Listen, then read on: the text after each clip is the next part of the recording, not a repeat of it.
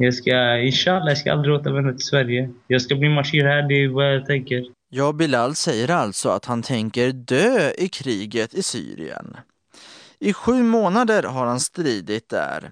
Han krigar med en grupp som kallas Jabhat el-Nusra. Det är en grupp som är en del av eller samarbetar med terroristgruppen al-Qaida. Kriget i Syrien började med att upprorsmän ville få bort Syriens diktator Bashar el-Assad och istället få demokrati.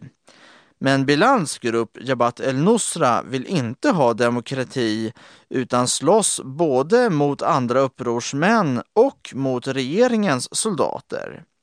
Jabhat el-Nusra kämpar för att Syrien ska bli en islamisk stat med stränga religiösa lagar.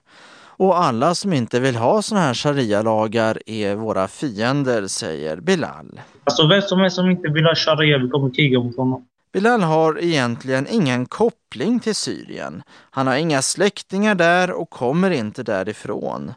Han åkte bara dit för att kriga för sin religion. Och så är det med de flesta av de svenska ungdomar som krigar i Syrien. De säger att de för ett heligt krig, jihad, och kallas därför jihadister. Kajsa Norell är en av de reportrar här på Sveriges Radio som har undersökt de svenska jihadisterna i Syrien för att se vilka det är som åker dit för att kriga.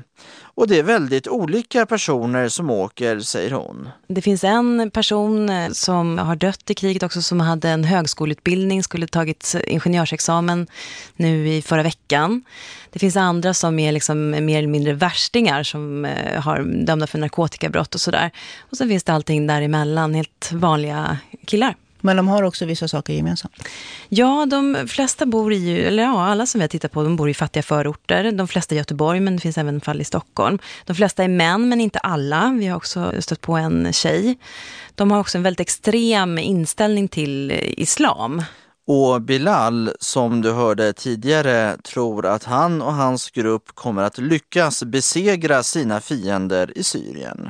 Vi kommer misshandla dem, vi kommer slakta dem, vi kommer begrava dem levande. Det som Bilal och andra svenskar gör och är med om under kriget påverkar dem också och kan göra dem farliga även här hemma i Sverige. Det säger den svenska säkerhetspolisen Säpo. De försöker hindra svenskar från att ge sig in i kriget. Men det är inte ofta de lyckas stoppa dem, det säger Jonathan Peste som jobbar på Säpo i praktiken ytterst sällan att vi kan stoppa dem för att... Eh, så vad gör ni istället? Vad vi gör det är att i de fall vi har kännedom om att man vill resa iväg så vill vi prata med dem. Vi säger till dem att eh, det är farligt att åka, inte minst för dem själva. Eh, det är svårt för oss att hjälpa dem när de väl har rest iväg ifall eh, ja, någon annan eh, får tag på dem så att säga. Och sen såklart att vi är oroliga över att de ska begå brottsliga handlingar